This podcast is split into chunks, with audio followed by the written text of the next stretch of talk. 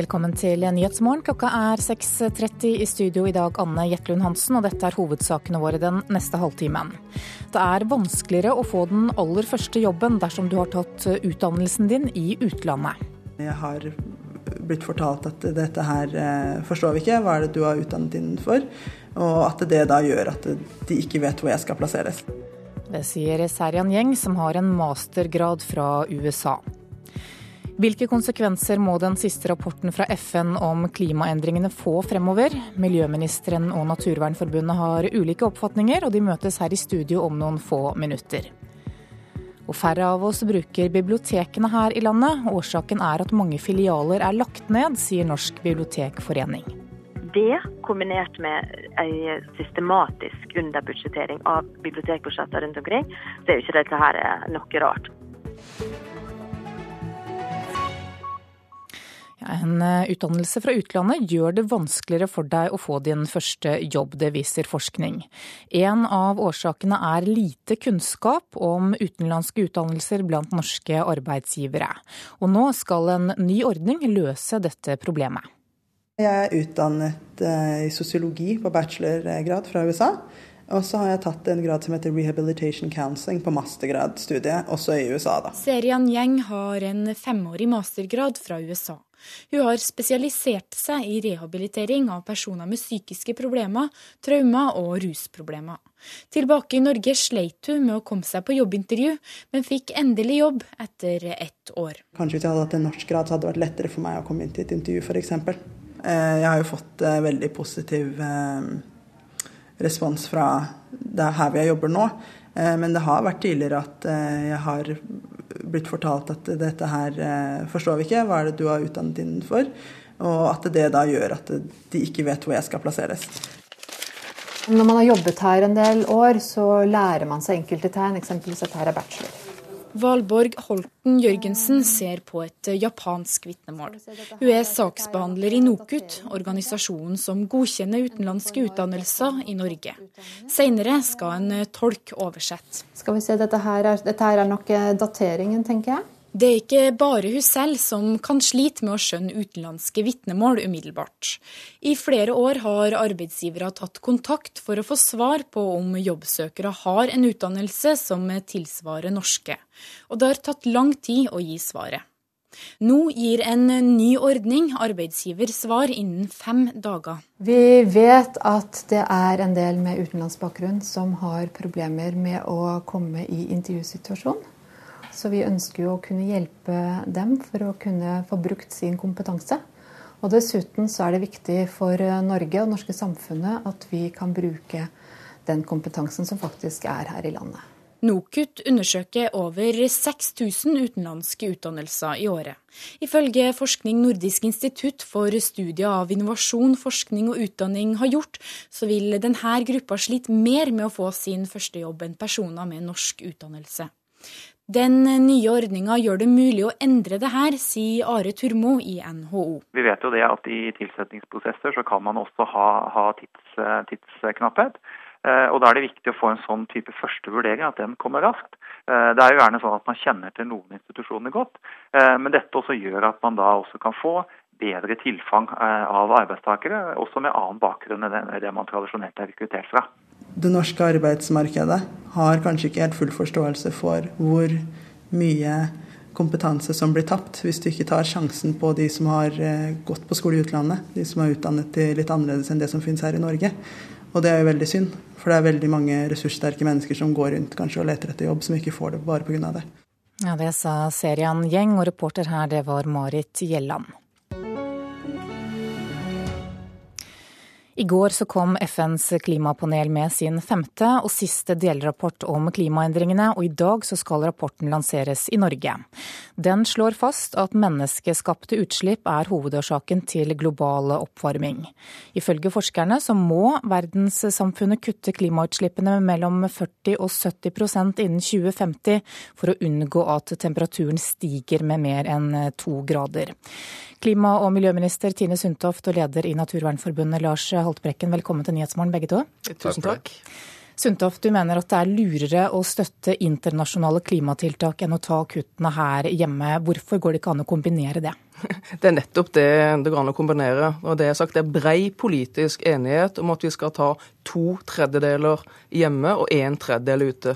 Men jeg ser det er viktig at vi tar inn over oss at klimautfordringen er global. Så det også å se dette i en større sammenheng, For det kan være at vi får mer igjen for og også bidra noe mer ute. Eh, F.eks. det vi gjør gjennom regnskogsatsingen, hvor vi nå bruker ca. 3 milliarder kroner hvert år. Hvor resten av verden binder mye karbon, mange ganger det Norge slipper ut. Men en misforståelse å si at vi skal ta alt ute. Det skal vi overhodet ikke. Den rapporten vi fikk i går, viser alvor. Det haster å virkelig komme i gang med det grønne skiftet, og det grønne skiftet skal vi også ta i Norge. Vi må omstille oss til et lavutslippssamfunn hvor vi alle må bidra, hver og en av oss, næringslivet, staten og kommunene. Det var det jeg sa i går. Likevel kalte du dette for en ansvarsfraskrivelse. Lars Haltbrekken, hva mener du med det? Og vi ser stadig politikere som uh unngår å gjøre ting uh, her hjem. Uh, tvert imot så legges det nå opp til store utslippsøkninger i uh, Norge i årene framover. Det skal bygges mye nye motorveier, særlig på det sentrale østlandsområdet. Ofte parallelt med jernbane. Dette vet vi kommer til å gi utslippsøkninger i ei tid da vi har det travelt med å redusere utslippene. I tillegg ser vi en olje- og energiminister som er mer enn villig til å dele ut nye oljefelt til oljeindustrien, til tross for at uh, framtredende klimaforskere sier at det aller meste av det vi har funnet av kull, olje og gass, må uh, bli liggende i bakken. Et rikt land som Norge, som har tjent sine penger på fossil forurensning globalt, har et kjempeansvar i å gå foran og kutte sine utslipp. Vi burde gjort som Sverige, Danmark, Storbritannia Finland, som har kutta sine utslipp siden 1990, mens våre utslipp eh, i løpet av de 24 årene bare har gått oppover. Ja, men Samtidig så høres det jo ikke sånn helt ulogisk ut å støtte internasjonale klimatiltak? Det skal vi også gjøre. For at, eh, nettopp fordi at vi er et så rikt land, så har vi et ansvar både til å kutte egne utslipp og bidra til store utslippsreduksjoner internasjonalt. Men det vi ikke kan gjøre, det er å kreve retten til mer forurensning når vi kutter utslipp i andre land, slik vi har gjort gjennom eh, kvotesystemet. Tine Sundtoft, du har fått kritikk for et svakt eh, miljøbudsjett, men vi vet at du mener at dere er ambisiøse. Det har du slått fast eh, her tidligere. Kan du ramse opp konkrete eksempler på hvilke konsekvenser denne rapporten får for klima- og miljøpolitikken her hjemme? Den eh, rapporten som jeg kommer til å få senere i dag, den er et godt bevis på at det vi har tenkt om å omstille oss til lavutslippssamfunnet er riktig. Da må vi bruke mer penger til kollektivsatsing. Derfor har denne regjeringen nå fremlagt tidenes jernbanebudsjett. Derfor må vi bruke mer penger til klimateknologi og miljøteknologi, slik at næringslivet kan omstille seg. Derfor kommer vi også nå med en tilskuddsordning for eh, enøk i husholdningene. Dette viser at vi må planlegge samfunnet slik at vi reduserer transportbehovet. Derfor har vi også kommet med nye retningslinjer retningslinjer for byplanlegging.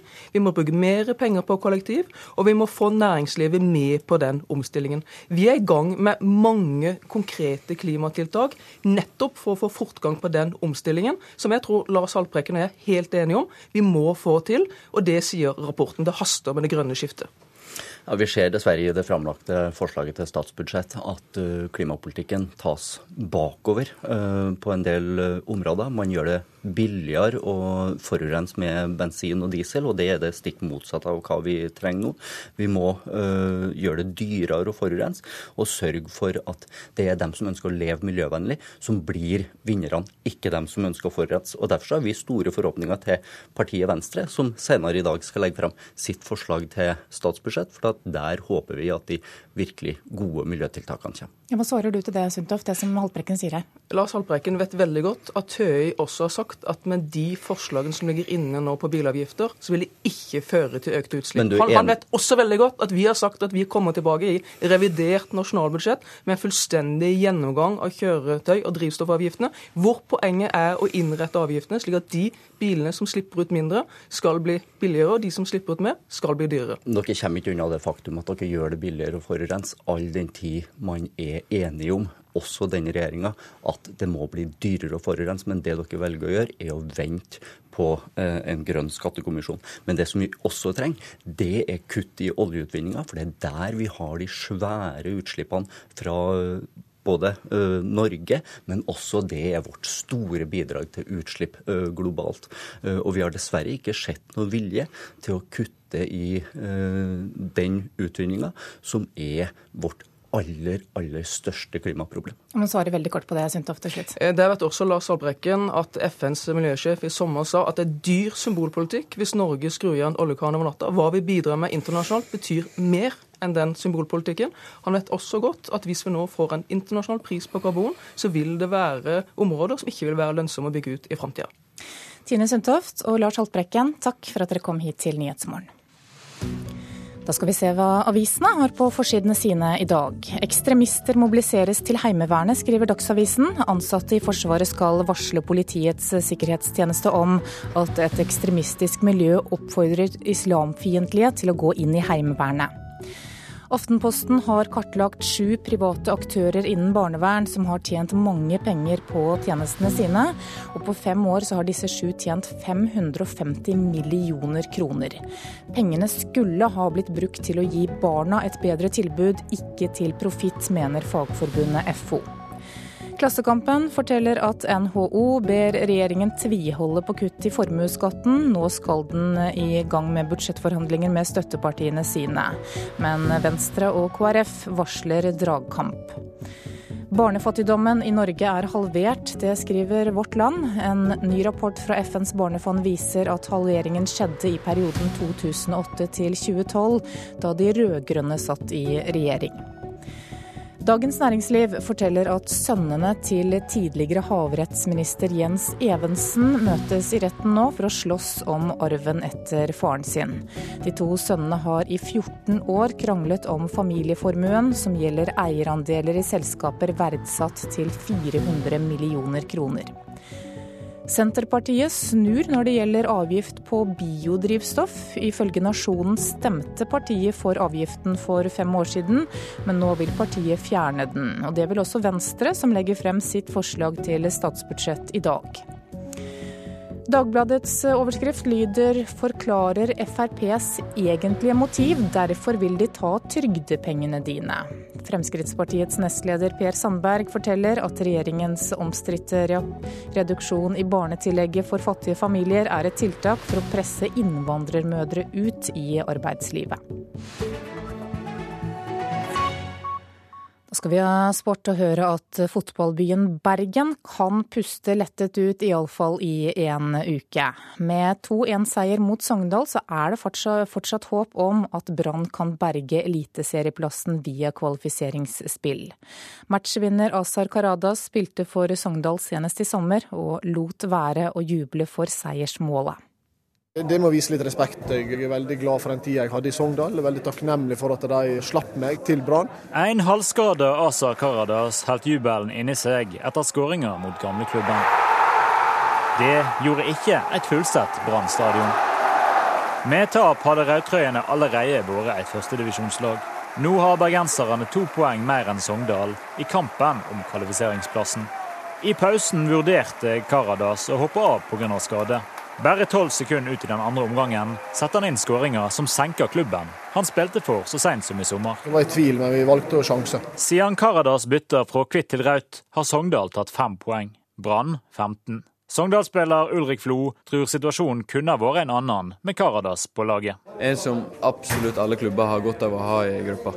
Det hadde ikke vært ulempe å ha det. Jubel i Bergen i går. Men gamleklubben kan fremdeles snyte Karadas for kvalifiseringsplassen. Vi er i en bedre situasjon enn det vi var før kampen, og nå er det opp til oss sjøl. Reporter her, det var Sølve Rydland. Du hører på Nyhetsmorgen nå. Klokka er 6.44, og dette er hovedsakene våre. Det er vanskeligere å få den aller første jobben dersom du har tatt utdannelsen din i utlandet. Det foregår nå en kraftig russisk militær opptrapping på og rundt Kolahalvøya. Det sier nettstedet Barents Observer. Og mange slipper unna med kulturminnekriminalitet.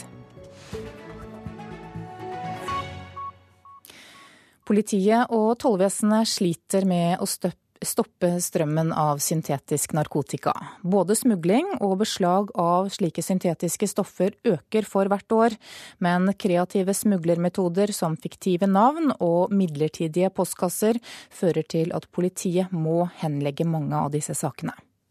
Vi vet jo egentlig ikke hvem som er mottakeren. Det kan være et folks navn og postkasse som står der en viss periode og sender bort igjen.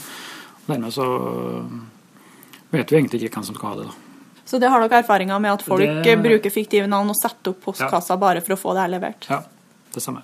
Jakten på syntetiske stoffer blir stadig vanskeligere for toll og politi. Folk smugler mer og mer for hvert år, og metodene blir stadig flere. Bjørn Arild Sørli er kontorsjef i Tollregion Midt-Norge, og han sier det er grunn til større bekymring. Nei, Fra det vi ser, så er det jo økning, og det er jo veldig enkelt å få tak i det. ikke sant? Du kan sitte hvor som helst og bestille der, og få det levert der du vil. Så det, så det er klart at det, er veldig enkelt. og det, Prisen også er vel heller ikke noe avskrekkende. så liksom Det er veldig greit. Uansett om du har lite inntekt eller hva det, hva det nå er, så får du tak i det. Så klart det, det, det er skremmende utvikling her, også. Med et raskt søk på datamaskiner finner Sørli ut at det hittil i år har vært 28 beslag av syntetiske stoffer i tollregionen Midt-Norge. Dette er ti flere enn i fjor, og året er enda ikke omme. Et halvt gram av det som heter syntakain, og det har en sånn formel som det der, da. Altså molekylsammensetninga er sånn. Og så har du noe som heter med de bokstavene der 5F AKB 48. De syntetiske stoffene blir framstilt i laboratorier og er kraftigere og farligere enn tradisjonell narkotika. I fjor gjorde tollvesenet 437 beslag av slike stoffer på landsbasis. Det var en dobling sammenlignet med 2012. Og ifølge Jan Erik Svendsen i Sør-Trøndelag politidistrikt, som har ansvar for etterforskninga av narkotikasaker og organisert kriminalitet, øker antall beslag hvert år. Vi ser jo som samarbeidsaktører skjer eh, i forhold til at utviklinga innenfor eh, bestilling av syntetiske stoffer den er negativ. Og her er det ofte ungdomsgrupper ungdomsgruppe som, eh, som står bak. Så vi er bekymra over utviklinga. Svendsen sier det er utfordrende å få tak i både selgere og kjøpere, og at de ofte må henlegge slike saker. Det vi ser, er at bestillinga skjer over internett. Eh, går til et, fiktiv, eh, et, fiktivt firma som sender stoffet eh, per post til en fiktiv adresse, et fiktivt navn. Og Det utfordrer oss veldig i forhold til å finne ut hvem den reelle bestilleren er. I noen tilfeller der vi har andre spor å gå etter, så etterforsker vi saken grundigere. Men det er kjensgjerning at det er en stor del av de sakene her som blir henlagt på bakgrunn av at vi ikke har noe spor å gå etter. I februar i år gjorde tollvesenet i Nord-Trøndelag et beslag av syntetiske stoffer på svenskegrensa. Og i den forbindelse ble en pakke tobakk sendt inn til Kripos for analyse. Nå frykter de at syntetiske stoffer også kan være blanda i tobakken, noe som gjør arbeidet enda vanskeligere. Ja, Vi mistenker at det kan være en, en blanding med tobakk og syntetisk i den forsendelsen. da. Men vi har ikke fått bekrefta, så det kan ikke se sånn konkret om at det er det eller ikke. Men mistanken er der, og det viser litt om vanskeligheten for å avdekke det, rett og slett. Så det bare synliggjør det, egentlig. Reporter var Julie Haugen Egge. Det foregår nå en kraftig russisk militær opptrapping på og rundt Kolahalvøya. Det sier redaktør Thomas Nilsen i nettstedet Barents Observer. Den russiske flyaktiviteten langs norskekysten og helt ned til Kolahalvøya skaper også bekymring. Nei, altså Det er jo eh, særlig økt eh, flyaktivitet. Det gjelder eh, langtrekkende bombefly, det gjelder bombefly med kryssermissiler. Vi har jo også sett russiske bombefly med kryssermissiler som faktisk er klar til utskyting, som de har flydd rett utenfor norskekysten med. Men jeg tror nok at det som vi ser på med størst uro, Eh, det er økninga i antall kjernevåpen eh, som seiler på ubåter ut fra Kolaløya og ut i nære havområder utenfor eh, Nord-Norge. Sist onsdag skapte en rekke russiske bombefly oppstuss over hele Europa da de fløy fra Kola ned langs norskekysten og helt ned til Portugal. Tre ganger så ofte som i fjor, over 100 ganger, har Nato-fly vært på vingene for å følge russiske fly. Økninga merkes også i Norge. Hittil i år har norske jagerfly identifisert 62 russiske fly utenfor kysten.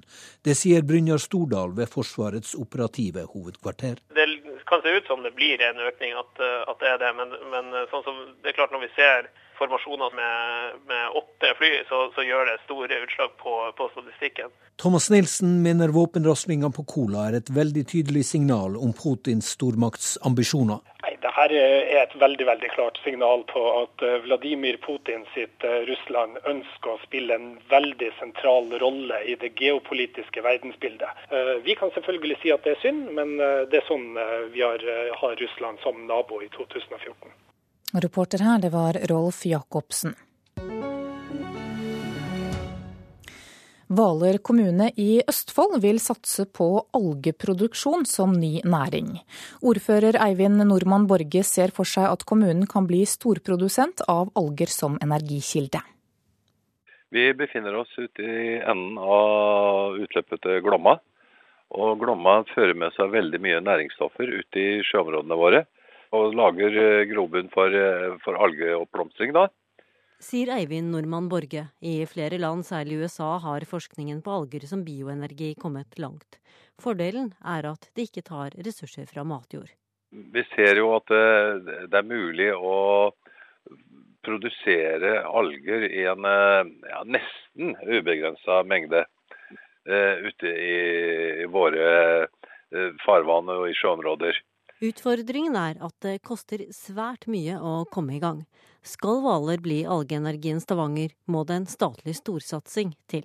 Og Da er vi avhengig av eh, at regjeringa også er med på dette. her, På lik linje med eh, når statlige myndigheter gikk inn på oljesektoren og investerte veldig veldig mye penger på oljesektoren, eh, som vi alle ser har vært særdeles lønnsom. Borges algeutspill kommer i kjølvannet av at Østfolds Høyre-ordførere har lansert fylket som et opplagt foregangsfylke for satsing på bioenergi. Vi snakker også om andre typer energikilder. Vi har Østfold på, med, med skog bl.a. Her ser vi vel nesten hele Østfold som en, et, et laboratorie i sin helhet. Reporter var Marianne Løkkevik Ekeberg. Mange slipper unna med kulturminnekriminalitet. De siste ti årene så har mer enn halvparten av alle anmeldelser for brudd på kulturminneloven blitt henlagt. I Telemark så har to verdensarvnominerte jernbanelinjer blitt robbet for flere kilometer med kobberledning de siste årene. Her det er borte så langt du kan se. Øystein Andersen i Telemark fylkeskommune ser på restene av tyvenes herjinger på Tinnåsbanen i Notodden. Du ser her, da. Klippet av. Ja, En liten stump igjen. og Sånn er det på hver stolpe bortover. Her har tyver klippet over og stjålet over 18 km med kjøreledning fra jernbanen som en gang fraktet kunstgjødsel fra Norsk Hydros fabrikk på Rjukan. De 100 år gamle kjøreledningene er laget av verdifullt kobber og er attraktivt tyvegods. Og det er tragisk, for eh, jernbanen, her jernbanestrekningen den er nå en del av Norges søknad for verdensarvstatus for hele eh, kunstgjødselindustrien på Rjukan og Notodden. Tinnåsbanen kan neste år havne på Unescos verdensarvliste som et av de viktigste kulturminnene i verden. Men de siste årene har jernbanen blitt plukket fra hverandre av tyver. Hittil er få blitt tatt. Vi har jo levert inn til Økokrim og politiet anmeldelser siden 2007. Eh, og dem er blitt en ganske stor bunke på til sammen 15 anmeldelser nå. Eh, og i tillegg så har det jo vært tyverier utover det som eh, er anmeldt. Hvor mange ganger har dere opplevd at tyvene er blitt tatt og stilt for retten? Eh, kun én gang, dessverre. På landsbasis har over halvparten av alle anmeldelser for brudd på kulturminneloven blitt henlagt de siste ti årene. Det viser tall fra Økokrim, som har det nasjonale ansvaret for kulturminnekriminalitet i Norge.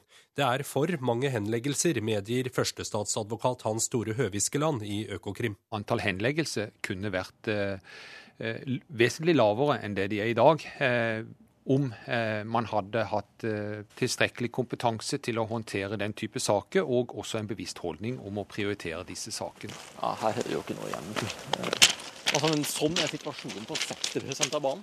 På Tinnosbanen er nå om lag 60% av kjøreledningen stjålet. Øystein Andersen frykter at enda mer kommer til å forsvinne.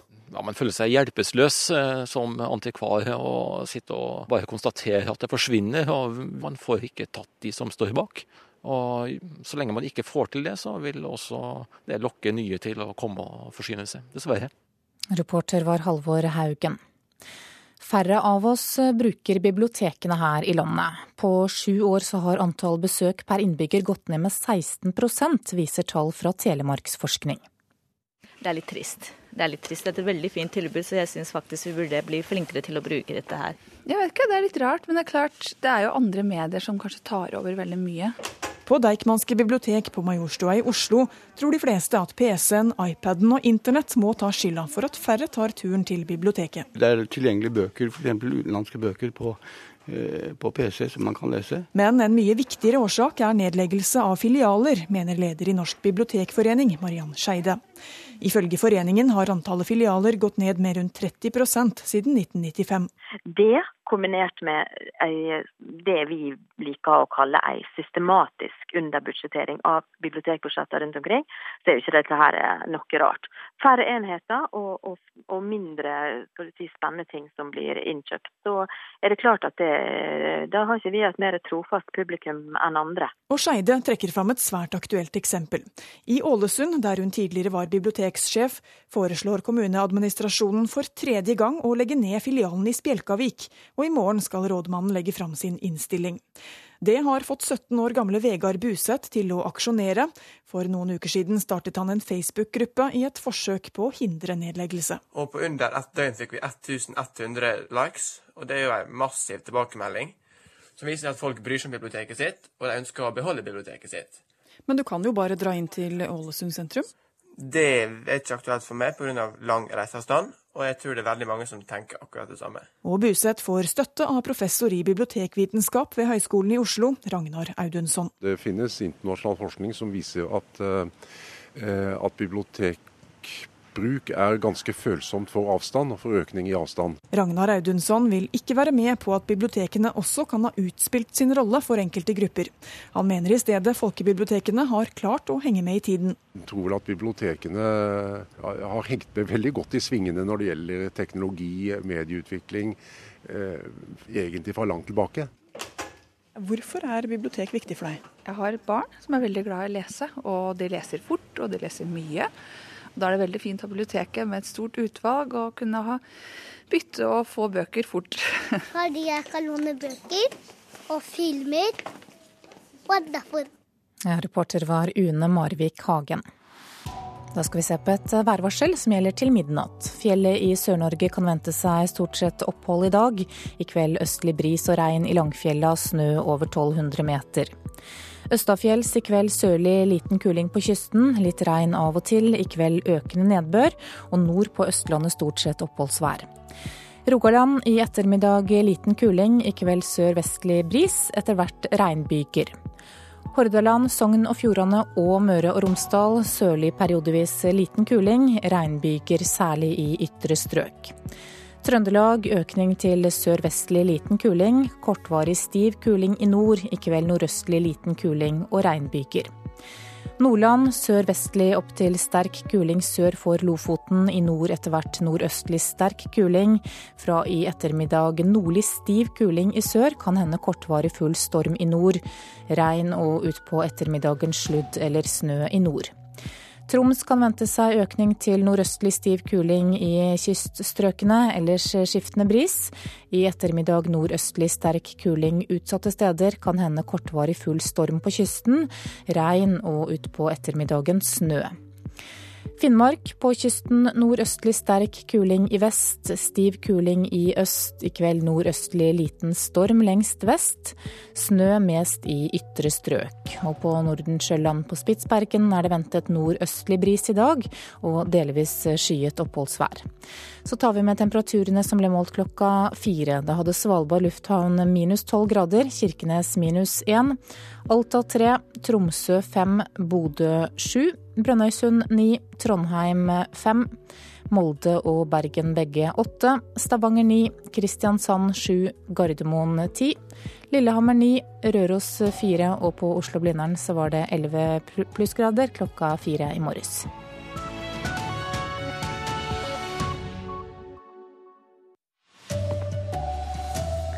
Offiseren som beordret en kvinnelig soldat til å bade naken sammen med mannlige soldater, får likevel ikke refs av Forsvaret.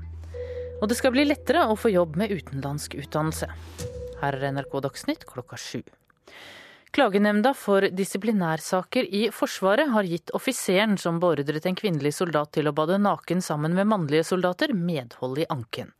Det var under en øvelse for tre år siden at offiseren beordret Alice Asplund til å bade naken sammen med 35 mannlige soldater. Offiseren ble etterpå refset av Forsvaret. Alice, Alice Asplund er overrasket over frikjennelsen, og sier det har vært vanskelig at saken blir rippet opp i gang på gang. Ja, det er veldig vanskelig. Når du først begynner å grave opp i det og snakke om det igjen, så er det jo veldig tungt. Og Med alle de forklaringene du har gitt, eh, er du i lys av det overraska over at eh, refsen er annullert? Ja, det er jeg. Absolutt. Vedtaket i klagenemnda står i sterk kontrast til eh, både det Forsvaret uttalte etter Henninga for tre år siden, og all den støtta Alice fikk da saken ble kjent. Jeg fikk meldinger fra amerikanske soldater, soldater i Tyskland, England. Pressetalsmann i Forsvaret, oberst Dag Aamodt, står fast ved at offiseren handla feil, selv om han er frikjent. Refsen er opphevet, men det er fremdeles slik at dette er uakseptabelt. At en kvinnelig soldat skal beordres til å bade naken foran sine medsoldater. Reporter her var Bjørn Atle Gildestad. Lønnsveksten i Norge kan stanse helt opp de neste årene, det sier eksperter til NRK.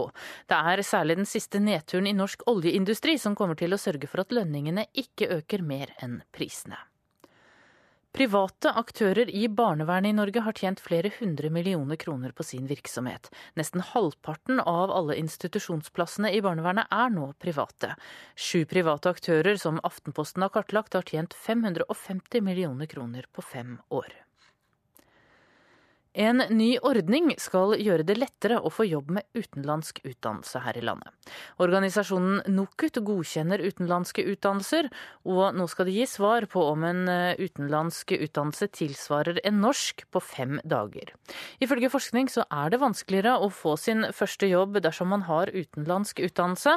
Det har Sayan Gjeng erfart. Hun har en mastergrad i sosialt arbeid fra USA. Kanskje hvis jeg hadde hatt en norskgrad, så hadde det vært lettere for meg å komme inn til et intervju, f.eks. Eh, jeg har jo fått eh, veldig positiv eh, respons fra her hvor jeg jobber nå. Men det har vært tidligere at jeg har blitt fortalt at dette her forstår vi ikke, hva er det du har utdannet innenfor? Og at det da gjør at de ikke vet hvor jeg skal plasseres. Ja, det sa Seian Gjeng med en mastergrad i sosialt arbeid fra USA. NRK Dagsnytt var ved Tone Nordahl. Klokka er 7.03 og Nyhetsmorgen fortsetter med disse sakene. Forsvaret gir likevel ikke refs til offiseren som presset en kvinnelig soldat til å bade naken. Tiden med lønnsøkning kan være over, det sier ekspertene. Og EU kritiserer valget i Øst-Ukraina og mener at det kan være et hinder for fred. Som vi hørte i Dagsnytt, offiseren som beordret en kvinnelig soldat til å bade naken foran 35 medsoldater under en øvelse, blir likevel ikke refset av Forsvaret. Klagenemnda for disiplinærsaker i Forsvaret har i høst gitt offiseren medhold i sin anke. Vedtaket står i sterk kontrast til Forsvarets egen kritikk av offiseren da Alice Asplund gikk ut med historien sin om hvordan det var å bli tvunget til å bade uten klær.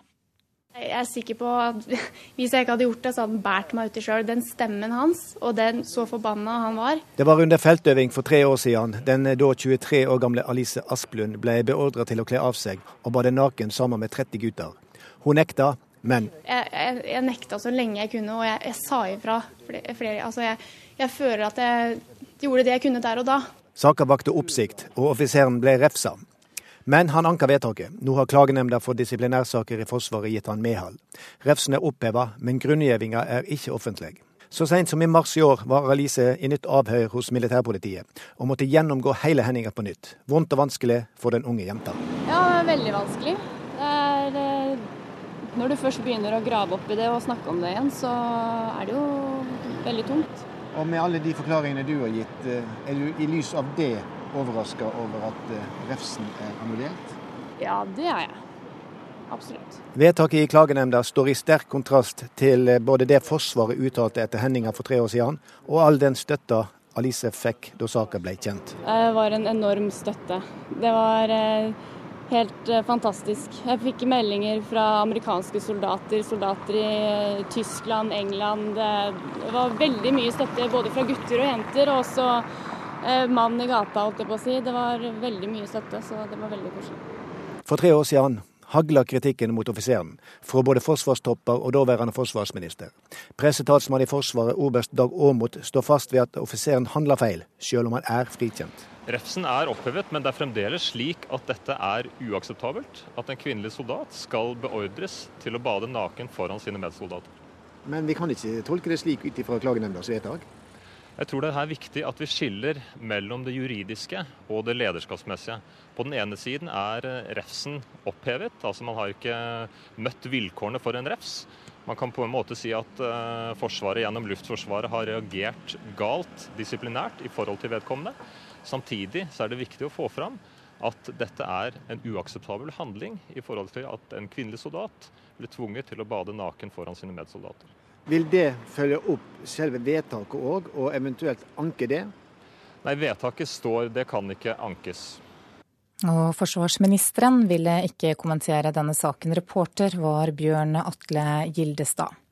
Likestillingsombud Sunniva Ørstavik, god morgen. Det er altså tre uker siden Stortinget vedtok allmenn verneplikt for kvinner. Hvilket signal sender dette vedtaket vi hørte om her? La meg først si at det er utvilsomt at det norske forsvaret har store likestillingsutfordringer. Vi vet at mange kvinner opplever mobbing, trakassering og også uønsket seksuell oppmerksomhet i det norske forsvaret. Det må Forsvaret gjøre noe med umiddelbart. Denne saken illustrerer jo nettopp at rutiner, regler, holdninger og arbeidsmetoder må endres slik at Forsvaret er en like god arbeidsplass og et like godt sted å være som soldat, både for kvinner og menn. Hvordan kan det endres? Jeg har vært i dialog med Forsvaret lenge, eh, og det er full forståelse både for problemet i Forsvarets ledelse og at det må handles. Jeg utfordrer jo nå Forsvaret til å gjøre de fine ordene om likestilling til praktisk virkelighet. Og det haster jo nå, nettopp når stadig flere kvinner skal være på denne et av Norges aller største arbeidsplasser, og et veldig viktig sted hvor unge jenter og gutter har muligheter for en spennende karriere. Men på hvilket nivå er det dette problemet ligger? Jeg mener at det er uttrykk for kultur- og holdningsproblem i hele Forsvaret, og jeg opplever også delvis at Forsvarets ledelse er enig i det. Men så hører vi jo i innslaget her at Forsvaret selv sier at eh, når det gjelder denne saken, da, det å tvinge denne kvinnen til å bade naken under denne øvelsen var uakseptabelt. Ja, og det er jeg veldig glad for. Ehm, og refs eller ikke i forhold til denne obersten blir mindre viktig da enn hva hele Forsvaret gjør, slik at ingen kvinner skal oppleve det som denne kvinnen opplevde. Altså det er ikke et spørsmål om én person som gjør en feil, men et uttrykk for en kultur som må endres. Men kan vi være trygge på det, da, når eh, denne refsen f.eks. blir opphevet? Jeg har tro på at Forsvaret mener alvor. Det gjenstår å se de viktige og gode handlingene som avstedkommer etter dette. Jeg forventer jo at Forsvaret skal være en like god arbeidsplass og et like godt sted å være både for kvinner og menn. Det er det ikke i dag. Men hvilke konsekvenser tror du denne konkrete saken kan få? Jeg håper at det vil gi økt oppmerksomhet på det viktige og store likestillingsarbeidet, som handler om en kultur- og holdningsendring, men som også handler om å endre gamle arbeidsmåter og metoder, som denne saken er et uttrykk for. Sunniva Ørstavik, takk for at du kom hit til Nyhetsmorgen. Da skal vi høre at det kan bli nær null kroner og null øre i lønnsøkning i årene som kommer. Det tror eksperter, som påpeker at Norge går inn i tøffere tider nå. Og folk på gata i Oslo er overraskende villige til å fryse lønna si på dagens nivå. Det er viktigere at bedriftene får bedre konkurransekraft, fremfor å skulle ta ut alle pengene sjøl og, og, bruke dem på julehandel. Jeg har jo ikke noen høy lønn fra begynnelsen, men jeg har jo så at jeg klarer den. Jeg ville finne meg å få mindre hvert år, for jeg syns vi bruker for mye. Og så lenge vi tjener, så kommer vi også til å bruke. Men neppe alle lønnsmottakere i dette landet vil ta like lett på lønnsfrys. Like fullt kan det bli vanskelig å unngå i årene som kommer, sier sjefanalytiker Erik Bruse i Nordea Markets. Det kan godt være vi får lønnsvekst etter hvert så lavt som, som prisstigningen, men etter hvert så må vi kanskje belage oss på iallfall nær nullvekst i reallønningene. Det samme tror økonomiprofessor Steinar Holden. Han har ledet tre regjeringsoppnevnte lønnsutvalg. Vi kan nok ikke regne med å få like høy reallønnsvekst eh, fremover som det vi har hatt eh, bakover i tid. Og Da kan det også komme år hvor vi ikke får noen reallønnsøkning. Null i reallønnsøkning innebærer at prisstigningen i Norge spiser opp hele lønnsøkningen vi får. Bl.a. annet når kronen svekkes, så får vi jo mer høyere inflasjon, og da kan det bli mer enn nominelle lønnsvekst. Bruse sier det særlig er den siste nedturen i norsk oljeindustri som vil presse ned lønnsutsiktene for de fleste norske yrker. Vi har jo hatt en rekke år bak oss med oppbygging av eh, oljebransjen og med sterk lønnsvekst i Norge i forhold til andre land, og veldig god reallønnsvekst. Eh, nå kan det se ut som vi skal inn i en periode hvor ja, oljenæringen skal bygges litt ned. Eh, da må vi regne med lavere lønnsvekst, mindre press i arbeidsmarkedet. Det er veldig fokus på kostnadskutt i mye oljerelatert næring, som kan bety lønnskutt i enkelte bransjer. Så jeg, jeg tror vi må se for oss en mye mer forsiktig lønnsutvikling framover. Og lønnsnedturen kan bli nødvendig, sier professor Holden. Eh, lavere lønnsvekst vil bedre konkurranseevnen, og det vil gjøre det lettere å få en svakere krone, som også vil bedre konkurranseevnen. Det er klart at hvis hvis eh, oljeprisen faller mye, så, så, er det viktig å forbedre konkurranseevnen. Det høye kostnadsnivået vi har nå, det er basert på at vi har en, en levende oljevirksomhet. Og hvis den svekkes, så, så må vi ha et lavere kostnadsnivå. Og Holden tror flere enn de NRK treffer på gaten, vil akseptere at lønningsposen ikke lenger vokser. For noe er enda viktigere for folk enn lønn. Eh, med litt høyere arbeidsledighet så er nok folk mest opptatt av at de holder på jobben sin, og vil da kunne være godt fornøyd om eh, reallønnen er konstant eller eh, øker bare veldig svakt. Reporter her, det var Sindre Heierdal. Forbrukerøkonom Silje Sandmæl i DNB, god morgen. God morgen. I flere år nå så har altså mange blitt godt vant med solide lønnsøkninger. Kan det bli tøft for mange å takle en stans i lønnsveksten? Ja, så jeg tenker særlig de med høy eh, boliggjeld, eh, så, så, kan det bli tøft. Men nå må vi tenke på at vi har hatt da veldig mange år nå hvor vi har hatt et eh, overskudd i økonomien. Altså vi har brukt veldig mye på å spare. Så, så, for mange så blir det å kutte ned på sparingen. Men for noen så blir det selvfølgelig da å kutte ned på forbruket, så kan, kan, bli tøft. Ja, hva er det folk slutter å bruke penger på dersom økonomien blir trangere? Altså det er gjerne de store investeringene, sånn som hytte, båt, eh, bil. Eh, det vanlige forbruket, der, der har vi nok alle en, eh, Altså der har vi alle potensialet til å kutte. Så, så, så, det er de store investeringene først og fremst som, som, folk ikke bruker penger på. Men hvem er det som tåler en nullvekst dårligst, bortsett fra de med, med veldig høye boliglån? Nei, det er jo altså eh, Sett i, i, i lys av inntekten og høyt, høyt, boliglån, så vil det bli tøft. Så jeg mener jo at folk, eh, folk må jo tenke på økonomien sin i sin helhet. Og så må man ha et budsjett, sånn at man ser, eh, ser hvor mye man har råd til i henhold til inntekten sin. Er vi flinke nok til det? Nei, vi er ikke det. De aller fleste Altså, det går rundt. Det er ikke tomt før neste lønning kommer. Og derfor så tenker man ikke så mye på om man kan faktisk kutte ned på forbruket sitt. Men de aller fleste har et potensial der. Så, så med budsjett så får du kontroll, og du får, uh, får, oversikt.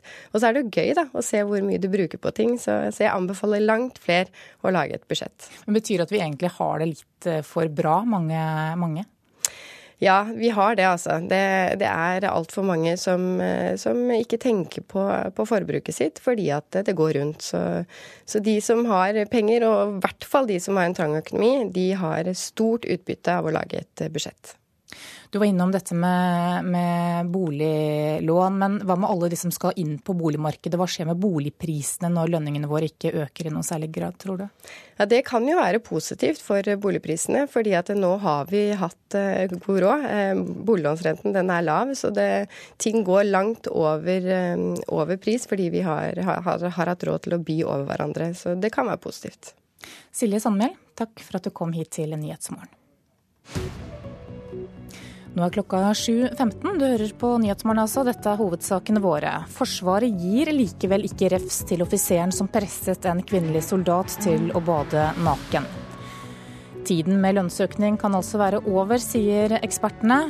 Og den nåværende statsministeren i Romania leder opptellingen etter presidentvalget i går.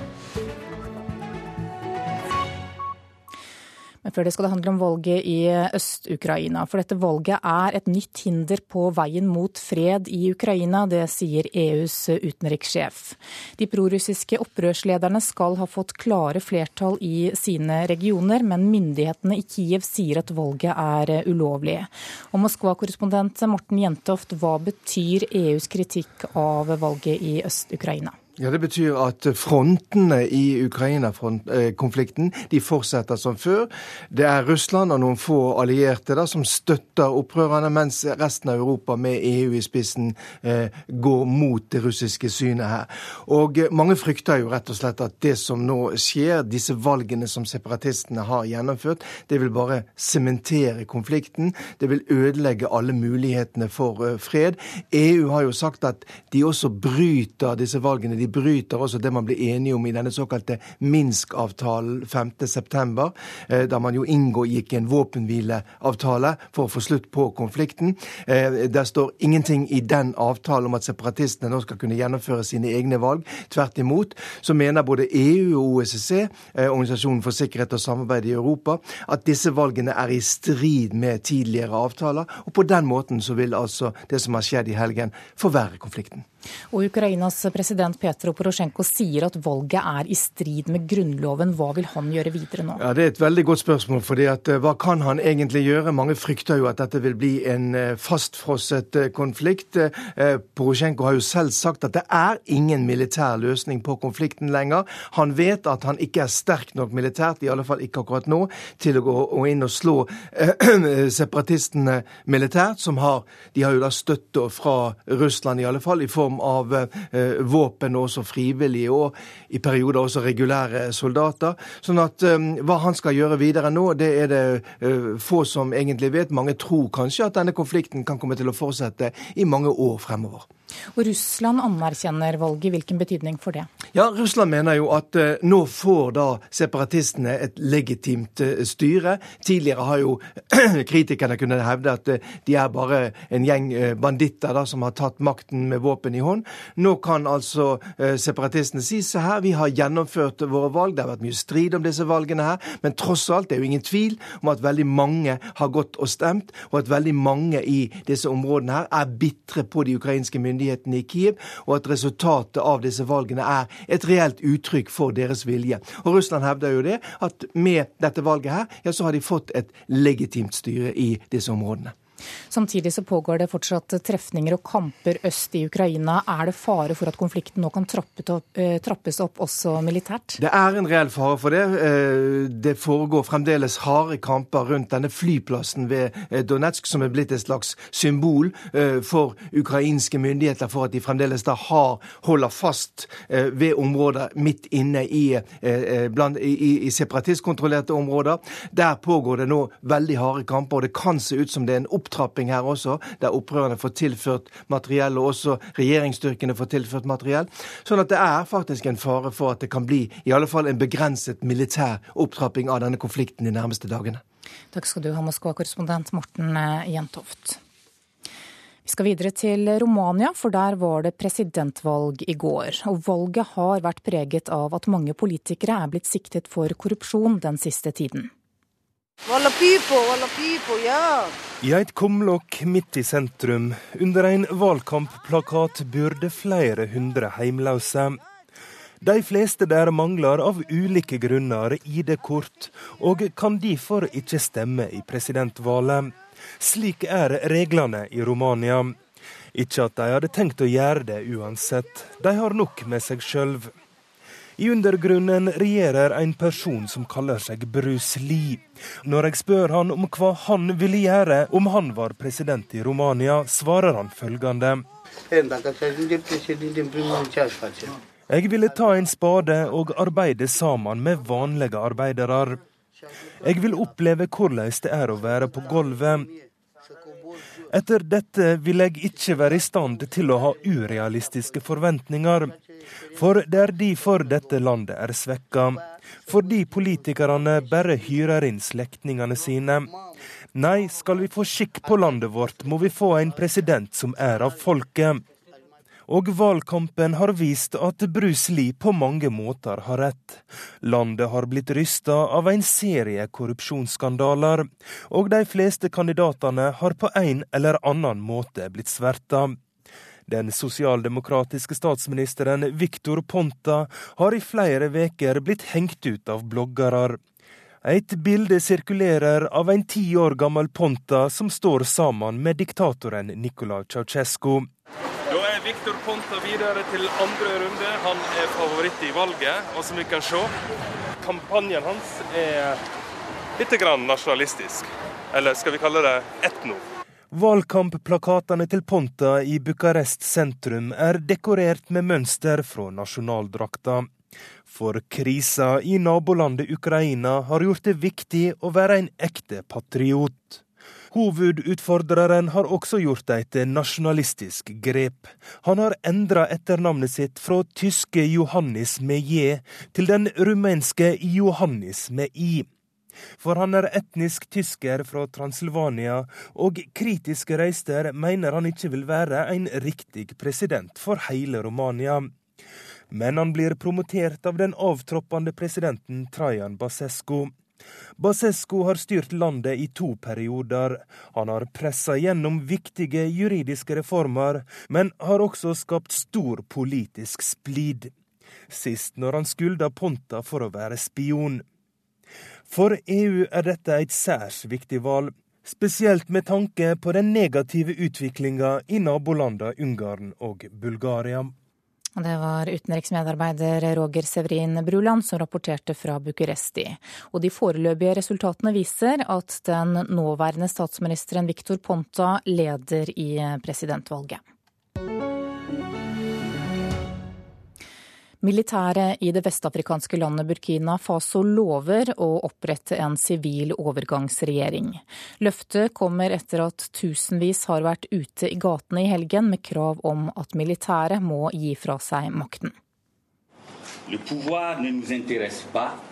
Seul l'intérêt supérieur Makten interesserer oss ikke, sa talsmannen for militæret på en pressekonferanse i går kveld, og la til at hæren kun er interessert i nasjonens beste. Militæret lover å starte en dialog med sivilsamfunnet og opposisjonen for å opprette en overgangsregjering. Tusenvis var igjen ute i gatene i hovedstaden i Burkina Faso i helgen for å protestere mot militærkuppet, etter at masseprotester i forrige uke tvang presidenten til å gå av. Militæret oppløste så nasjonalforsamlingen og utnevnte en av sine generaler til landets øverste leder.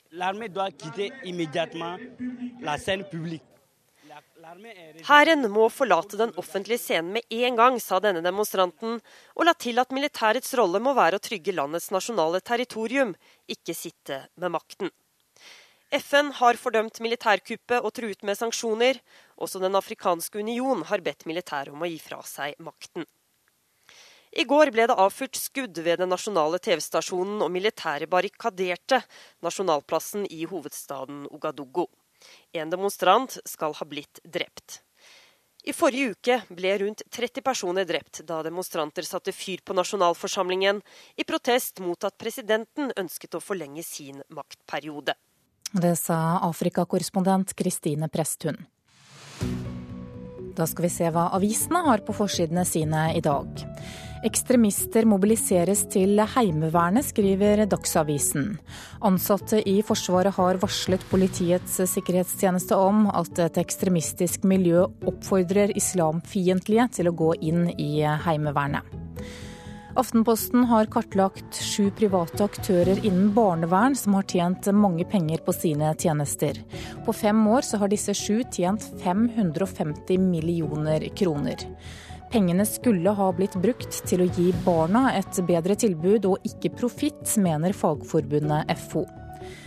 Klassekampen forteller at NHO ber regjeringen tviholde på kutt i formuesskatten når den nå skal i gang med budsjettforhandlinger med støttepartiene sine. Men Venstre og KrF varsler dragkamp. Barnefattigdommen i Norge er halvert, det skriver Vårt Land. En ny rapport fra FNs barnefond viser at halveringen skjedde i perioden fra 2008 til 2012, da de rød-grønne satt i regjering. Dagens Næringsliv forteller at sønnene til tidligere havrettsminister Jens Evensen møter i retten for å slåss om arven etter faren sin. De to sønnene har i 14 år kranglet om familieformuen, som gjelder eierandeler i selskaper verdsatt til 400 millioner kroner. Senterpartiet snur når det gjelder avgift på biodrivstoff. Ifølge Nasjonen så stemte Senterpartiet for avgiften for fem år siden, men nå vil partiet fjerne den. Det vil også Venstre, som legger frem sitt forslag til statsbudsjett i dag. VG skriver at milliardær Trond Moen har betalt 500 millioner kroner i skatt på fire år. Han er stolt av å skatte mest i Norge, og oppfordrer andre rike til å gi mer. Mens Bergens Tidende jubler over Branns 2-1-seier over Sogndal i går. Brann tente dermed håpet om å unngå nedrykk fra Eliteserien i fotball. Barneleger vil at ungdommer som legges inn på sykehus skal få være sammen med andre ungdommer. I dag havner syke unge på voksenavdelinger hvor de blir plassert ut fra sykdom og ikke alder. Og barnelegene vil nå sikre at ungdom får være sammen ved å heve aldersgrensen på barneavdelingene til 18 år. Men da, Ingvild, er du klar for å ta blodprøvene? Ja. ja. Flere ganger i uka sjekker hun blodet og tar nye prøver. I april fikk 16 år gamle Ingvild Sønskli Aasen diagnosen blodkreft. Det, man mister jo håret sitt, og det kan være for mange veldig, veldig tøft. Syns det er eh, kjett å se andre med kjempelangt hår når jeg har lyst til å ha det selv, og så ikke ha muligheten nå. Utseendet er viktig for en tenåring, også for den ungdommen som blir sjuk. Selv om vi blir syke, så vi jo, tenker vi jo akkurat de samme, samme, tankene som de andre. Man blir ikke bare plutselig annerledes. Det blir man ikke. De har litt annet behov for kommunikasjon. De har litt annet behov for type rom, romområder. De, de, trenger å bli møtt på en litt annen måte. Anne Kirsti Høgåsen er avdelingsleder ved barne- og ungdomsavdelinga ved sykehuset i Lillehammer. Der tar de imot ungdom opp til 18-19 år. Jo, vi tenker at det er veldig urimelig at det er så store forskjeller i Norge. En ny undersøkelse gjort av Norsk barnelegeforening viser at seks av ti barneavdelinger har 18-årsgrense. De krever nå nasjonale føringer, slik at alle åpner for ungdom. Det går jo på at det skal være lik, lik god behandling for, for, alle i hele landet. For disse ungdommene er ikke godt nok ivaretatt, mener vi, i andre fag eller andre avdelinger. Og da mener vi at det er vi som er barne- og ungdomsleger fra før. Vi har kompetansen opp til 16 år. Vi bør også følge dem helt ut til de er 18 eh, år og myndige. På barneavdelinga kan ungdom være sammen uansett sykdom. Regnes de som voksne, er det hvilken sykdom du har som bestemmer hvor du havner. Og det blir da ikke sånn at vi får den kontakten da, som vi kanskje trenger. Så det å få samla alle på ett sted, det tror jeg bra, blir bra. Ingvild og barnelegene blir hørt. Helse- og omsorgsminister Bent Høie vil utarbeide en egen ungdomsstrategi for å få en bedre helsetjeneste for ungdom. Det innebærer jo at eh, vi da ser på nettopp om vi bør ha nasjonale retningslinjer som, eh, som gir klarere føring. Og så er det òg spørsmål om eh, det å ha ungdomsråd ved sykehusene, som flere sykehus har. Som gjør at de òg får direkte innspill fra ungdom på å gjøre konkrete endringer som som gjør at det òg er lettere å være ungdom på sykehus. Reporter her, det var Jorunn Wang. Du lytter til Nyhetsmorgen nå. Klokka nærmer seg 7.30 og Dagsnytt. I reportasjen etter det så skal vi til USA, der det er mellomvalg i morgen. Men det finnes også en rekke folkeavstemninger. Blant annet skal det stemmes over forslag som vil legalisere marihuana i flere stater. Produsent for Nyhetsmorgen i dag det er Tonje Grimstad, og her i studio Anne Jetlund Hansen.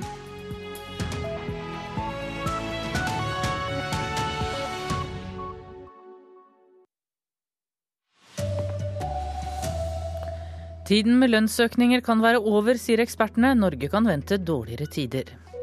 Private selskaper tjener store penger på barnevern her i landet. Og EU sier gårsdagens valg i Øst-Ukraina er et nytt hinder på veien mot fred. God morgen, her er NRK Dagsnytt, klokka er 7.30. Ja, lønnsveksten i Norge kan stanse helt opp de neste årene.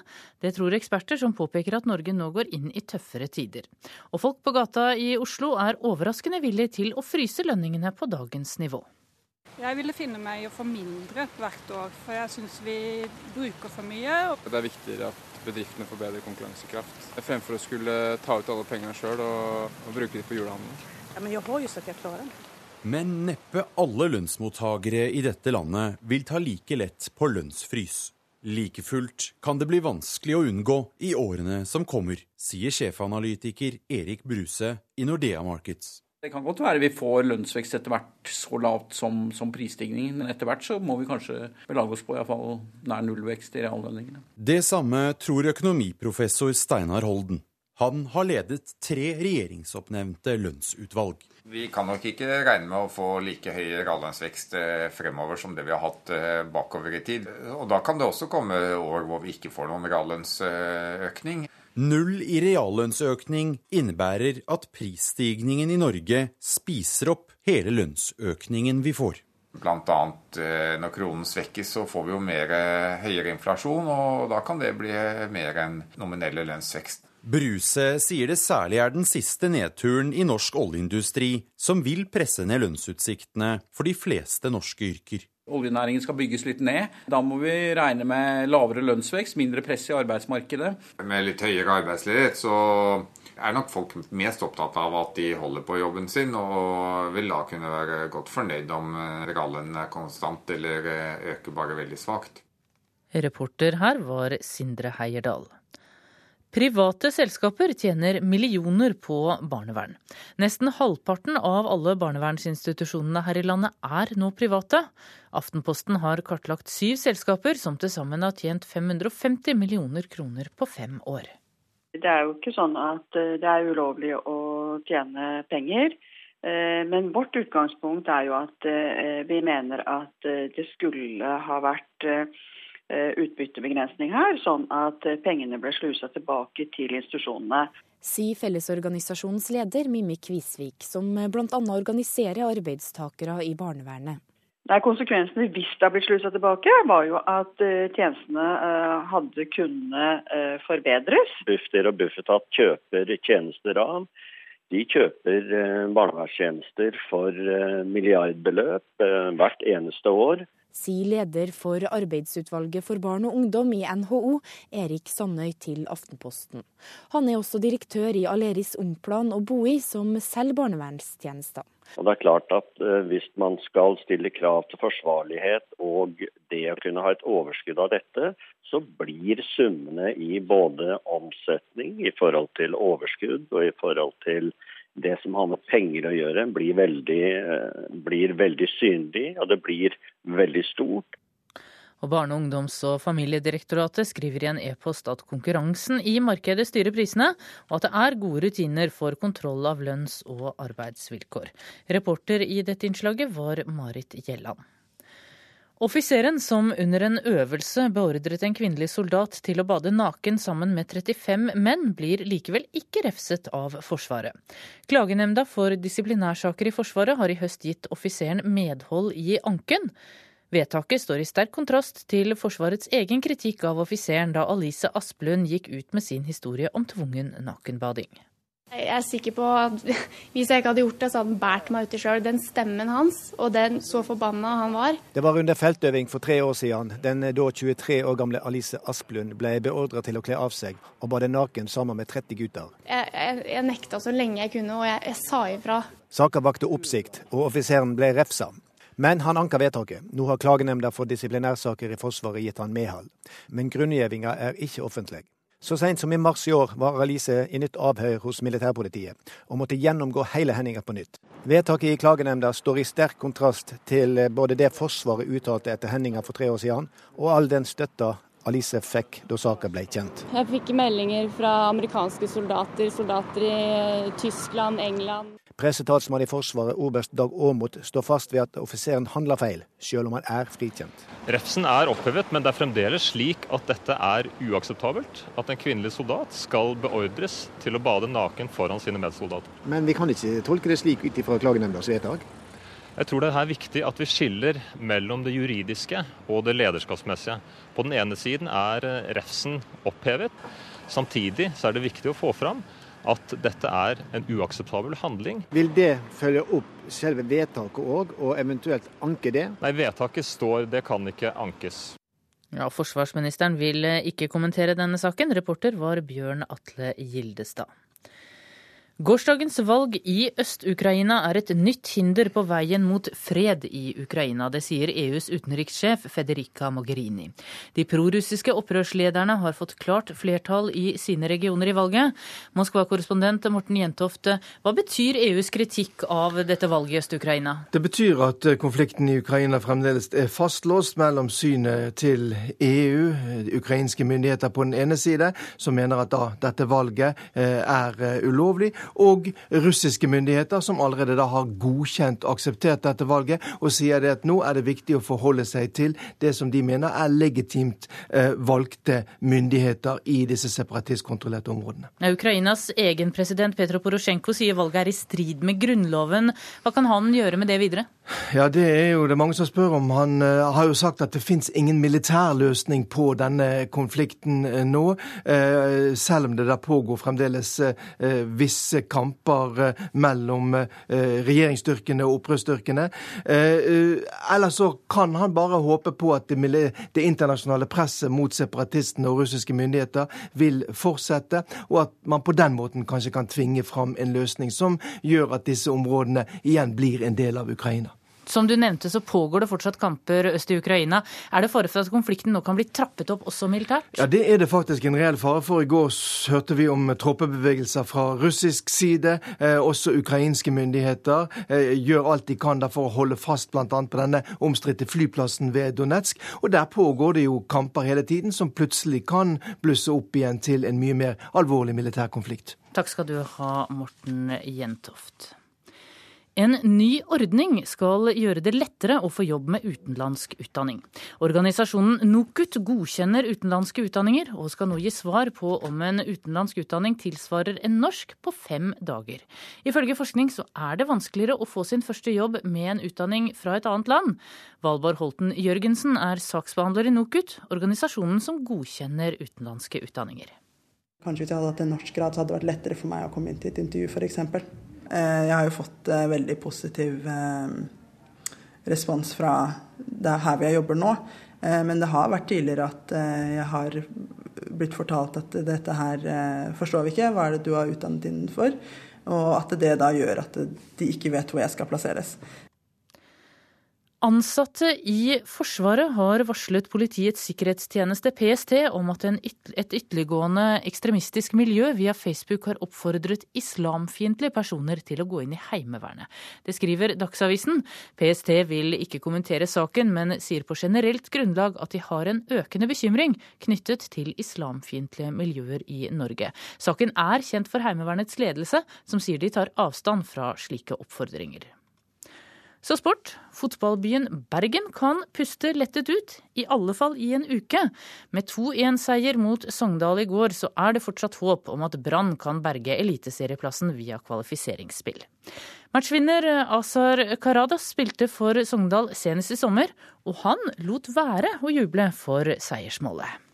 Det må vise litt respekt. Jeg er veldig glad for den tida jeg hadde i Sogndal. Veldig takknemlig for at de slapp meg til Brann. En halvskada Asa Karadas holdt jubelen inni seg etter skåringa mot gamleklubben. Det gjorde ikke et fullsatt Brann stadion. Med tap hadde rødtrøyene allerede vært et førstedivisjonslag. Nå har bergenserne to poeng mer enn Sogndal i kampen om kvalifiseringsplassen. Bare tolv sekunder ut i den andre omgangen setter han inn skåringa som senker klubben han spilte for så seint som i sommer. Det var i tvil, men vi valgte å sjanse.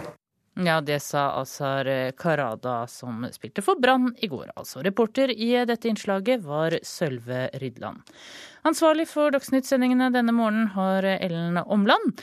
Er Ellen Omland. Det tekniske ansvaret har Frode Torshaug. Her i studio Tone Nordahl.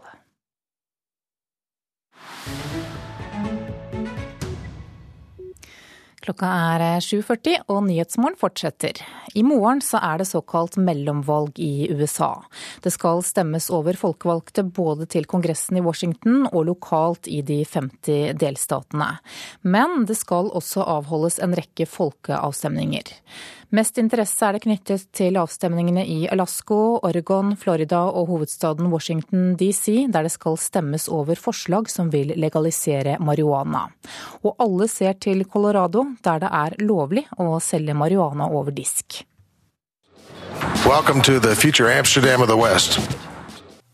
Colorado ønsker spøkefullt velkommen til det nye Amsterdam, verdenshovedstaden for grønn glede.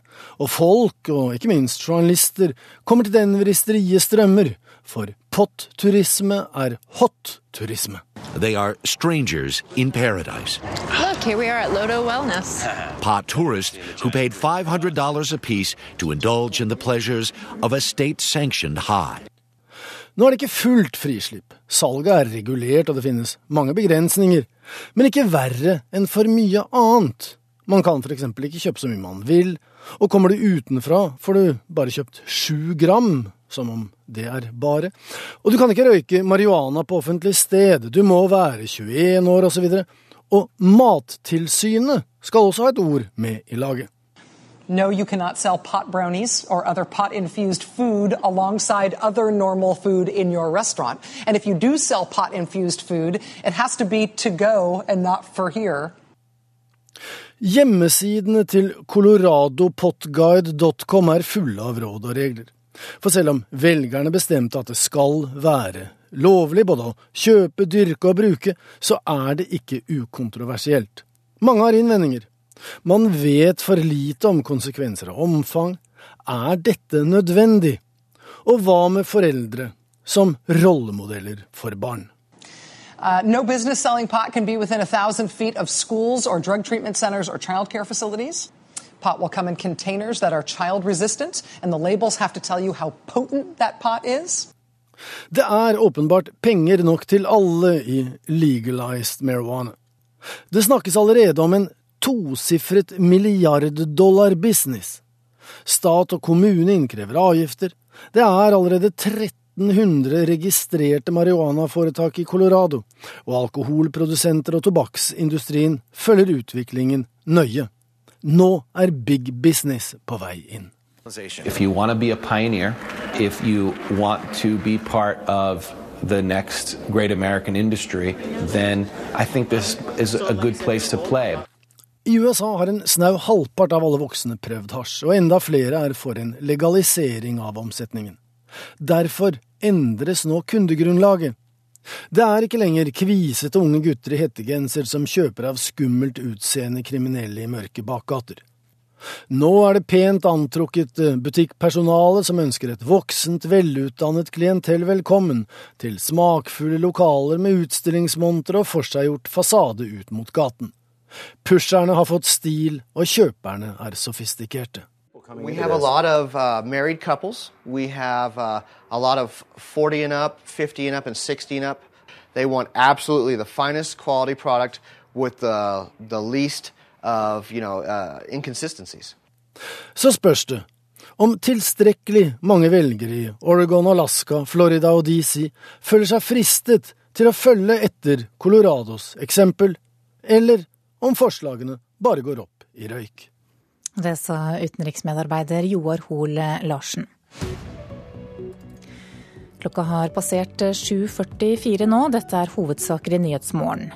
Lønnsveksten i Norge kan stanse helt opp de neste årene. Det tror eksperter som sier at Norge nå går inn i tøffere tider.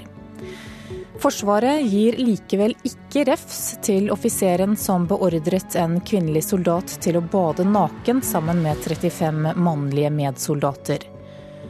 Og EU kritiserer valget i Øst-Ukraina og mener det er et hinder for fred.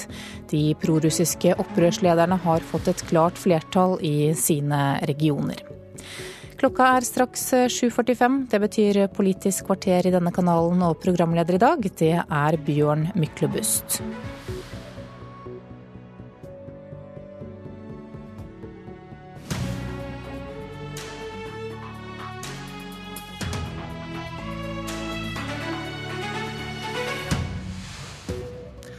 Hvem trenger fiender med slike samarbeidspartier?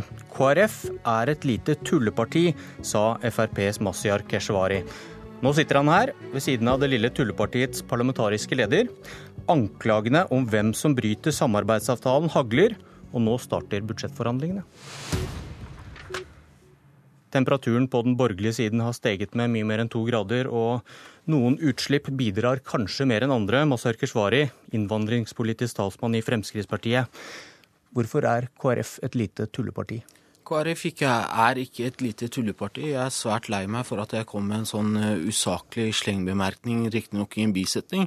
Og jeg syns det er på sin plass å gi en uforbeholden unnskyldning til eh, KrF for at jeg kom med den, eh, denne utblåsningen. Det var ikke meningen, og jeg er oppriktig lei meg for det. Hvorfor, eh, hvorfor kom du ikke med den unnskyldningen litt før? Den har levd siden ja, fredag morgen? Jeg har uh, forsøkt, men uh, når man uh, bestemmer seg for at bisetninger som Eh, kommer skal være hovedsak, så er det ikke alltid man gir folk muligheten til å rette opp i de feil de har begått. Må, jeg må jo spørre deg da, har du, har, har du, fått beskjed om at du tok feil Nei. i ordvalget, eller kom du på det sjøl? Nei. Eh, når jeg så den saken, eh, så kjente jeg meg ikke igjen i den.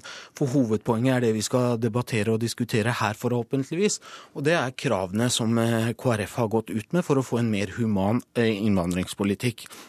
Eh, og som jeg sa i den saken, så er det helt opp til KrF å bestemme hva de ønsker å prioritere, hva de ønsker å få gjennomslag for, osv. Men jeg reagerte spesielt på to av punktene eh, som eh, KrF har fremmet i den debatten. Og det er å stoppe, altså få ned tempo på uttransport av mennesker som ikke har beskyttelsesbehov i Norge. Eh, det syns jeg er eh, en merkelig prioritering. For vi skal ta mennesker som har beskyttelsesbehov på alvor. Vi skal behandle deres søknader med respekt og på en ordentlig og skikkelig måte.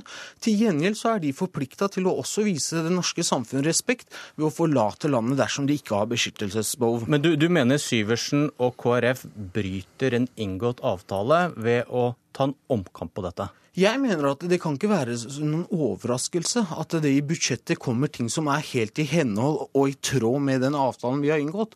Og det andre punktet er jo det som går på lukket asylmottak. Eh, begge deler har jo vært i en del av den avtalen vi har inngått. Hans Olav Syvertsen, parlamentarisk leder i KrF, som ikke er et tulleparti. Er du glad for unnskyldningen?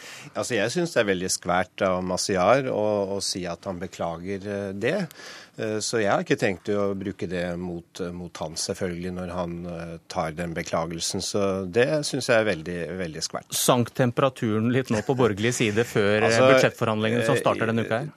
tross alt, jeg, jeg, prøver alltid å skille på det som er forhandlinger og det som er karakteristikker som flyr litt eh, ut i lufta. Det eh, har et langt liv i politikken lært meg, men, men, det er klart, eh, litt overrasket var jeg på fredag, når vi vet vi skal sette oss ned, og, og man da egentlig vel ønsker å få til en budsjettavtale med et såkalt tulleparti, så, så, var jeg litt overrasket. Men nå har Masiar oppklart det, og det tar jeg med meg, og det men, er jeg glad for. Men substansen i kritikken, ja. den, den, står at den dere, er å, dere, dere er ikke til å stole på? Jo, men det er jo ikke riktig. Hvis vi tar dette med uttransportering, så sa Masiar nå at da må vi gjøre det på en ordentlig og skikkelig måte.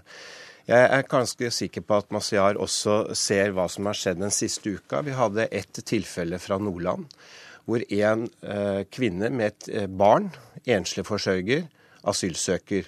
Barnet får oppholdstillatelse, et lite barn. Kvinnen skal sendes ut. I tråd med Nei, dagens regler? Eh, ja, hvis, hvis, man hadde fulgt det som Masiar sa, og hadde en ordentlig saksbehandling. Men hvis det skal gå så fort at man ikke ser at det var en kombinasjon av barn og mor her, og nå ble dette hastestoppet fordi man så at dette gikk helt galt. Så det er klart, da bør man kanskje se litt på hvordan man behandler sakene, slik at man sørger for at de som skal ut, rettmessig skal ut, men ikke at det går stokk over stein. Og når det gjelder Trandum, så er situasjonen den at der er det plass. Situasjonen er den at vi ikke trenger foreløpig å bygge noe mer. Og når vi vet at en plass på Trandum koster opp mot én million, mens plasser i ordinære asylmottak koster et par hundre tusen, så mener vi at vi bruker ikke penger på å bygge opp noe før det faktisk er Men, behov for det. Har, har det er trekke, en reell vurdering som vi må faktisk ta i budsjettet. Har dere lyst til å trekke noen overskrifter og formuleringer om at dere går til krig mot FrPs innvandringspolitikk? At dere tar omkamper på disse punktene? For nå sier du at vi tar ikke noen omkamp. Ja, nei, altså Jeg mener at dette er helt i tråd med avtalen, det vi også foreslår. Eh, ut fra det som er situasjonen nå. Og jeg har lyst til å si at vi har en utfordring med den avtalen at noen av de punktene som vi har fått inn, ikke iverksettes. Det gjelder forskriftene for de asylbarna som har vært her lenge, og det gjelder situasjonen for konvertitter. Og jeg må si jeg møtte eh, noen som har sittet nå i fire år eh, fra Iran, som har konvertert til kristendommen og vi vet hva situasjonen er for de når de returneres, eventuelt til Iran. De har fått beskjed om at deres sak er på vent fordi man venter på politiske signaler. Så det må jo også være en parallellitet i det man jobber med i departementet. Både det som Frp er opptatt av, men også det Kristelig Folkeparti er opptatt av. Hvis ikke det er balanse i det, så får vi et problem. altså. Noe må være gærent med denne samarbeidsavtalen, Keshvari?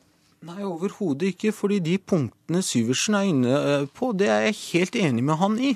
Eh, engangsløsningen f.eks. på barn, den er allerede levert og på plass.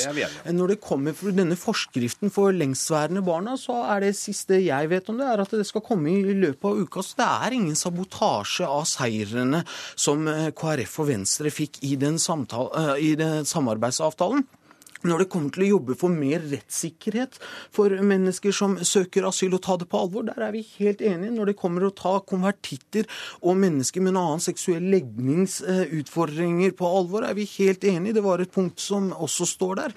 Eh, poenget er bare at hvis man skal jobbe for en mer human innvandringspolitikk eh, og, og integreringspolitikk, og det tror jeg KrF eh, på når de sier at de ønsker det, så mener jeg det er rart at man går da løs på eh, dette med lukka asylmottak. Det er ikke riktig at det er overkapasitet hvis vi hadde brukt det sånn som det er tiltenkt. Altså Lukka asylmottak er jo i henhold til utlendingslovens paragraf 106 for de som utgjør en fare og en rekke andre kriterier. Det er jo ikke å være snill og ikke bygge ut kapasitet der.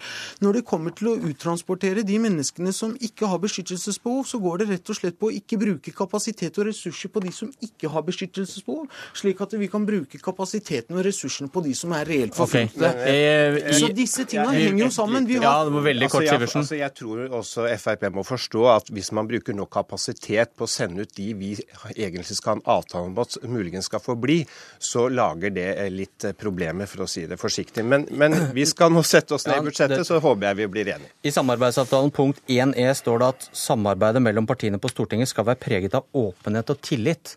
Jeg hadde egentlig tenkt å konkludere med at det har dere vel brutt begge to, men kanskje Nei, ikke litt, skal... litt, bedre i dag etter den unnskyldningen? Vi, vi, jobber hver eneste dag, vi både med våre samarbeidspartier og andre partier i komiteen. og Min oppfatning er at vi har et svært godt og konstruktivt samarbeid, og jeg ser frem til at det samarbeidet fortsetter. Da bytter jeg ut deg, Keshvari.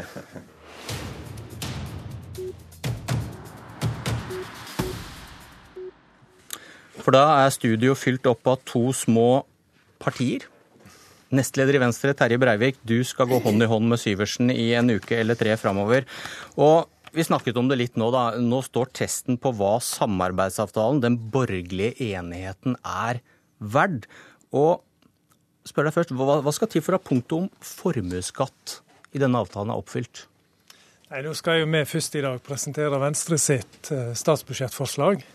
Så jeg har jo framfor meg en svært stor dag for meg som finanspolitiker, å få lov til å snakke om masse tall for, Stinn Brakka, bl.a. òg formuesskatt. Men det står ingen beløp i samarbeidsavtalen når det gjelder formuesskatt. Går det da an å hevde at dette punktet allerede er oppfylt?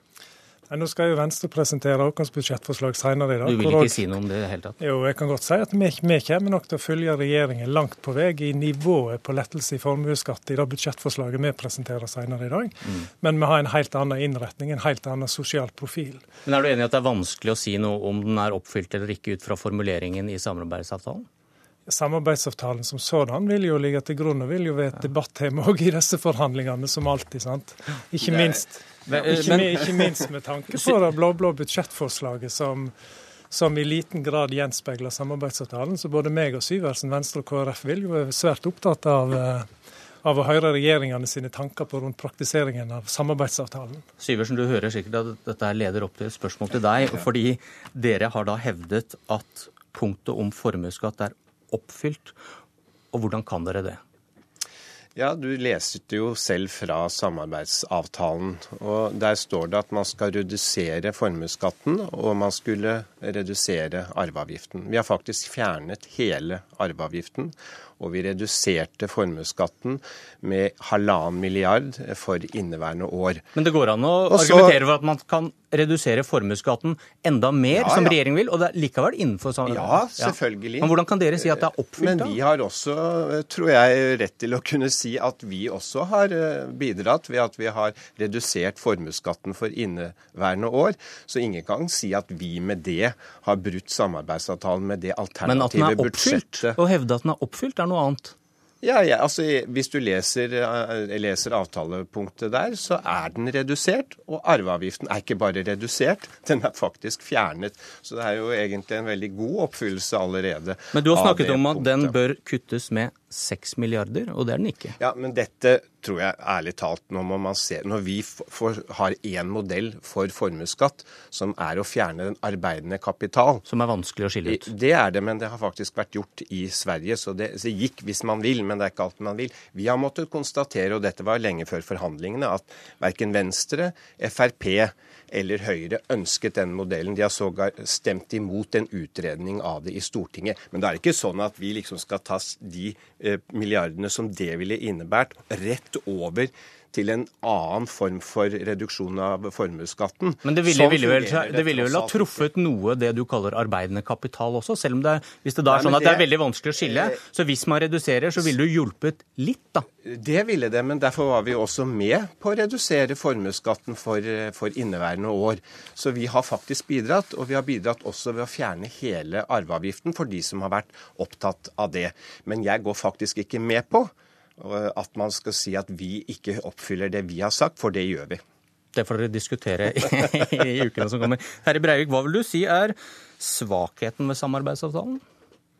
Samarbeidsavtalen er jo svært god. Altså, Vi satt to uker oppe i Nydalen, og alle fire var egentlig veldig godt fornøyde med samarbeidsavtalen. Kanskje fordi den var vag? Fordi det var lett å skrive under? Ja, den er ikke vag. Det som er spennende nå, er å se resultatet av budsjettforhandlingene. Det er nå vi virkelig får syretesten. Sant? Nå har vi hatt i realiteten tre tre budsjettforhandlinger det siste året. Alle tre har egentlig fått utfall som, som vel alle fire partiene er tålelig godt fornøyd med.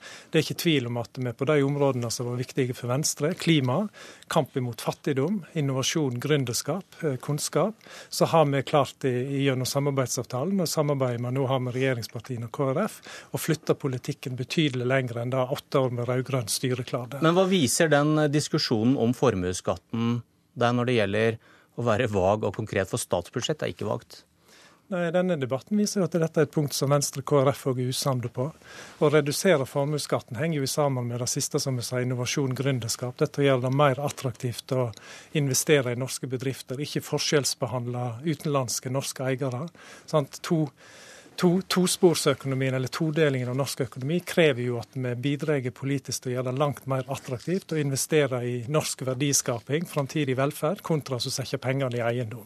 Så tror jeg også en, en må se, altså det, det, skaper i hvert fall for KrF en særskilt utfordring når regjeringen samtidig med at de kutter betydelig i formuesskatten for neste år, samtidig også kutter en rekke sosiale ytelser for de som har minst. Og kombinasjonen av de to tingene Jeg skjønner ikke helt at regjeringen trodde at det var noe som vi ville sitte og se på. Mange har pekt på at avstanden virker veldig stor før forhandlingene. Hvor, hvor ekte kan de smilene være i enden av dette her, hvis dere blir enige? Ja, jeg har godt håp om at forhandlingene skal komme i mål. Men kan alle bli fornøyde? Vet du, Når man har forhandlinger, så er det gi og ta. Det vet alle. Og et kompromiss er vel kjennetegnet ved at noen føler de har tapt på det ene og noen på det andre, og vunnet på det ene og på det andre. Så graden av smil det tror jeg nesten du får se når vi er i mål med forhandlingene. I dag er de kanskje ekte. Dere må kanskje true med, med regjeringskrise for å få dette i mål, eller er det Skal du avkrefte det her og nå, Breivik? Men du vet her programmet, det er jo ikke hvorvidt vi som parti og enkeltpersoner er fornøyd. Dette handler jo om hva vi får til av politikk. Sant? Senest i går så kom jo FN med en ny klimarapport som viser så til de grader at vi er nødt til å levere på klima. Skal Og da er vår tid ute. Takk for eh, debatten.